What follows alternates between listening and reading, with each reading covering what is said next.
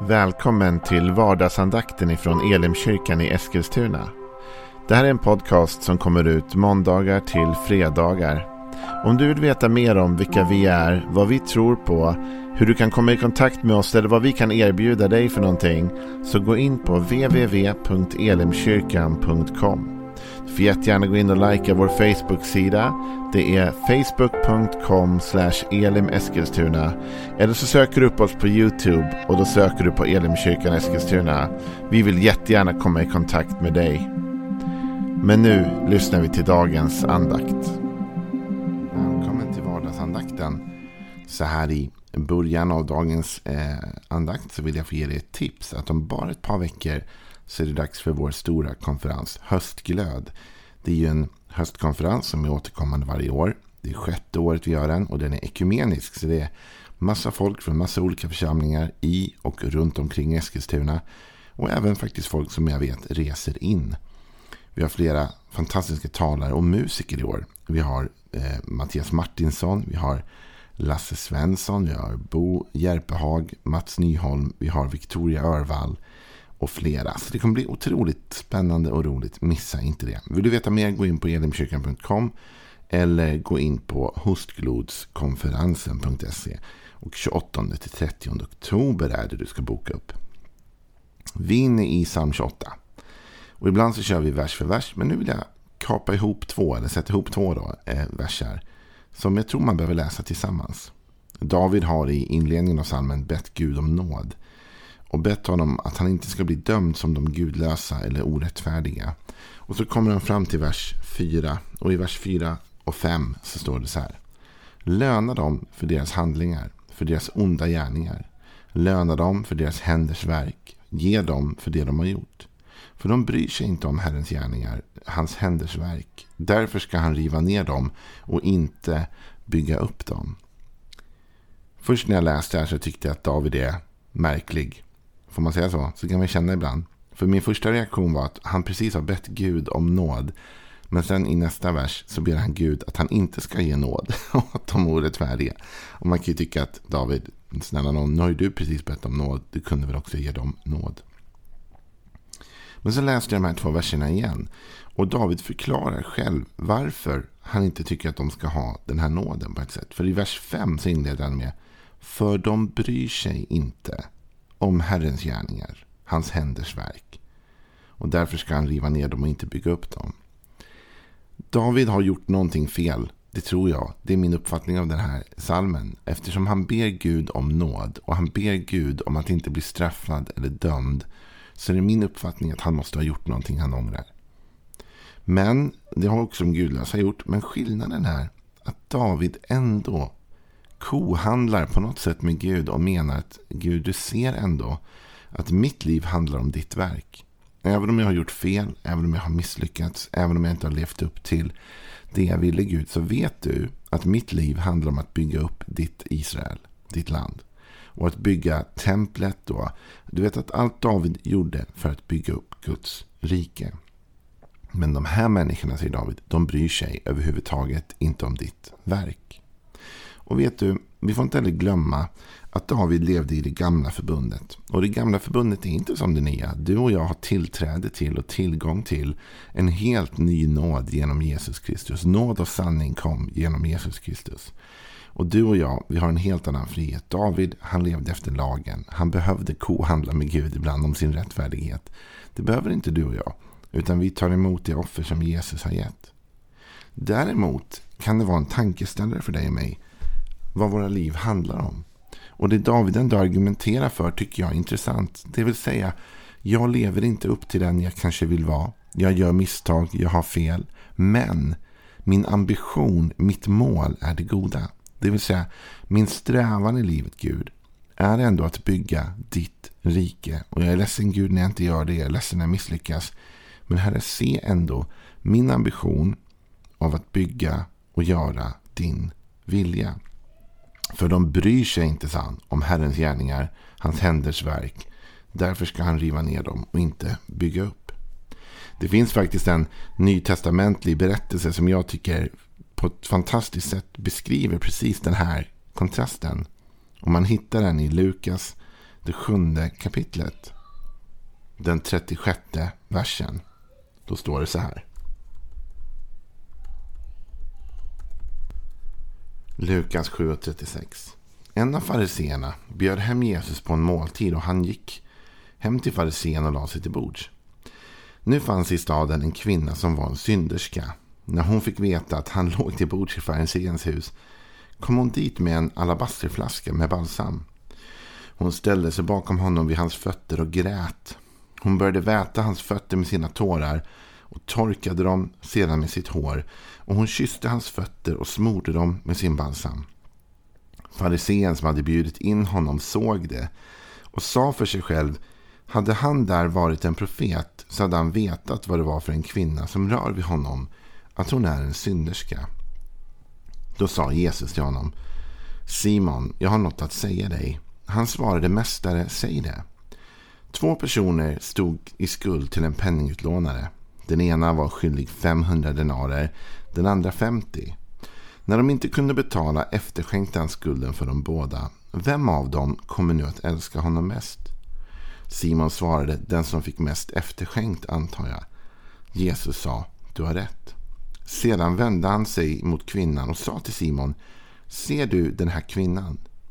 När jag kom in i ditt hus gav du mig inget vatten för mina fötter, men hon har vett mina fötter med sina tårar och torkat dem med sitt hår. Du gav mig ingen hälsningskyss, men sen jag kom in har hon inte slutat att kyssa mina fötter. Du smorde inte mitt huvud med olja, men hon har smort mina fötter med balsam. Därför säger jag dig, hon har fått förlåtelse för sina många synder.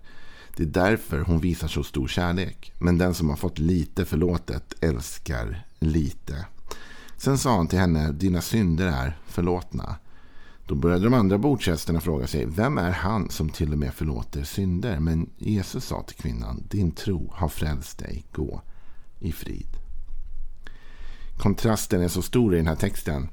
Du har Simon som är en farisé och som lever ett på många sätt gudfruktigt och rätt liv. Han tycker själv att han håller upp en hög ribba tror jag. Och så har du den synderska som kommer. Som alltså kallas för synderska. Och vi vet inte riktigt men det antas och ofta har det lagts fram som att hon är en prostituerad kvinna som kommer dit. Hon går fram till Jesus med sin balsam. Hon börjar liksom väta hans fötter med sina tårar och torka hans, hår, eller hans fötter med sitt hår. Och det här retar upp Simon. Vad är det för kvinna som får röra vid Jesus? Om han visste vem hon var då skulle han inte tillåta att hon rörde vid honom och så vidare. Och då kommer det intressanta. Att Jesus tittar bort från vem de är på ett sätt. Och så börjar han titta på vad de gör och hur de lever. Och så säger han, alltså han säger inte så, men indirekt så säger Jesus. Den här brustna kvinnan, hon gör ju något för mig. Hon lever och gör saker som är goda för mitt rike just nu. Du gör ingenting för mig. Du är på ett sätt mer ren och rättfärdig kan tyckas. Men du gör ingenting för mitt rike. Du gav mig inte ens en välkomstkyss. Du har inte tvättat mina fötter. Du har inte tagit hand om mig Simon som du borde ha tagit hand om mig. Men hon har gjort det fast hon är så brusten. Kommer vi till psalm 28 till David som ber Gud om nåd. Han är brusten. Han har gjort någonting han inte borde ha gjort. Och han ber att han inte ska dömas med de gudlösa. Och ett av skälen han anger är att de, de bryr sig inte ens om ditt rike Gud. De bryr sig inte ens om att göra någonting för dig. Men indirekt säger han, men du vet Gud vad jag gör för dig. Du vet att jag försöker bygga ditt rike. Mitt livsmål är ändå att se hur du får framgång Gud. Han använder det som skäl. Och när Jesus kommer till Simon där och ska tala honom till rätta då, så säger han, ser du den här kvinnan? Och så börjar Jesus inte tala om att hon är prostituerad. Han börjar inte tala om hur brusten hon är. Han börjar inte tala om alla problem hon har. Utan han säger, när, du, när jag kom in i ditt hus gav du mig inget vatten. Men hon däremot, hon vette mina fötter med sina tårar. Och du Simon, du gav mig ingen hälsningskyss. Men sen jag kom in har hon inte slutat att kyssa mina fötter. Du smorde inte mitt huvud med olja, men hon har smort mina fötter. Därför säger jag dig, hon har fått förlåtelse för sina många synder. Det är därför hon visar så stor kärlek. Jesus menar att kvinnans agerande visar på hennes förändrade hjärta. Och vet du, du och jag, det handlar inte alltid om hur perfekta vi är, men det handlar ibland om vilken inställning vi har. Du vet, vi lever i det nya förbundet där Jesu blod är det som frälser oss och förlåter oss. Och det blir ingen fördömelse för den som är i Kristus och så vidare. Men vad har vi för mening med vårt liv? Alltså vad lever vi för? Lever vi för att bygga hans rike eller lever vi för att bygga våra egna liv? Den här kvinnan, hon levde för Jesus. Hon kom dit, hon sökte upp Jesus. Med sitt agerande så visade hon sin kärlek. Med sitt agerande så visade hon sin tro.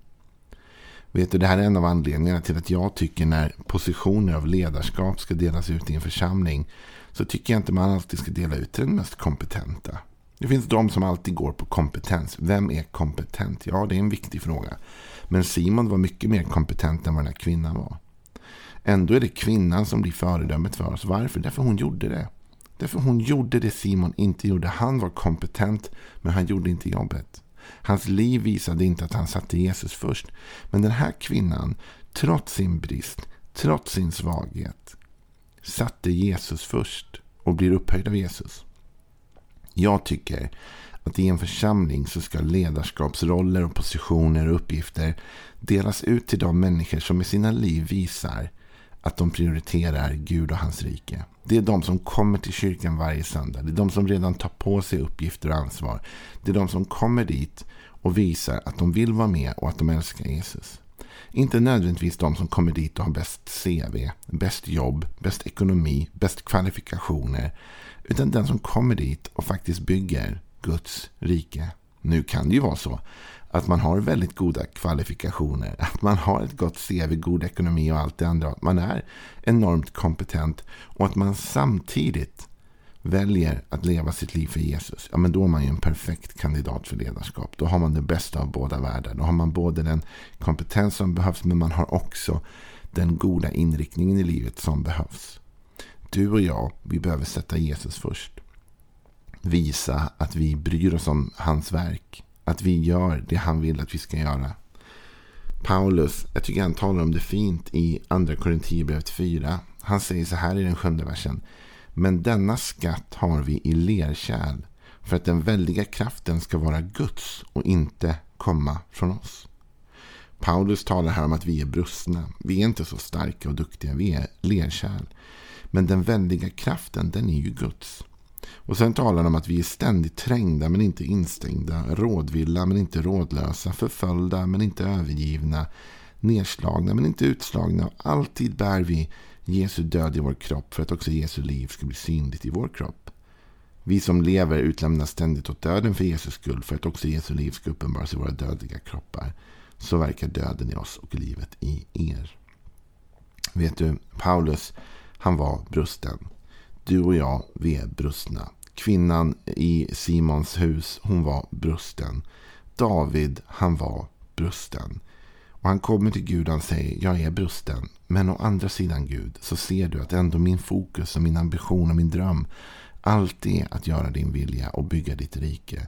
Och han försöker ändå att detta ska ha betydelse för Gud. Och när vi läser om synderskan i Simons hus i Lukas 7 så ser vi att det har betydelse för Gud. Jesus lyfter upp den brustna människan som ändå ger sitt allt till Jesus och lever för honom. Och Paulus han uttrycker till och med ibland att han är den största av alla syndarna och den minsta av alla apostlarna eftersom han har förföljt Guds församlingar. Så han, han bär på en brustenhet. Ändå handlade hela hans liv om att bygga Guds rike. Så det jag vill säga till dig idag är detta. Det är inte det farligaste om du och jag är brustna, för det är vi allihop. Vi får Guds nåd och vi får förlåtelse av honom. Det är en värre synd om du och jag lever våra liv bara för oss själva och aldrig sätter hans rike eller hans vilja i fokus. Det är värre. Det viktigaste är att ändå alltid försöka leva sitt liv för honom. Att alltid sätta Jesus i fokus. Att med sitt liv vilja ge till honom. Då tror jag att vi gör någonting stort. Och då tror jag att vi får mer nåd till oss liksom, genom detta. Så idag vill jag säga detta till dig från Davids ord. Att du och jag, vi får be Gud om nåd. Och vi får veta att det viktigaste, det är ändå någonstans vad vi gör med våra liv. Så David sa, för de bryr sig inte om Herrens gärningar, hans händers verk.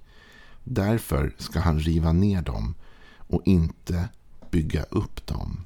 Du vet, du och jag när vi är brustna, när vi har fallit, kan ändå förlita oss på att Jesus bygger upp oss igen. David hade gjort något dumt, han hade misslyckats. Men han visste att Gud skulle bygga upp honom igen och han litade på det därför att han satte Gud först i sitt liv och han prioriterade hans verk och hans rike över sitt eget liv. Du, ha en välsignad dag. På måndag är vi tillbaka med fler avsnitt av vardagsandakten. Hej då.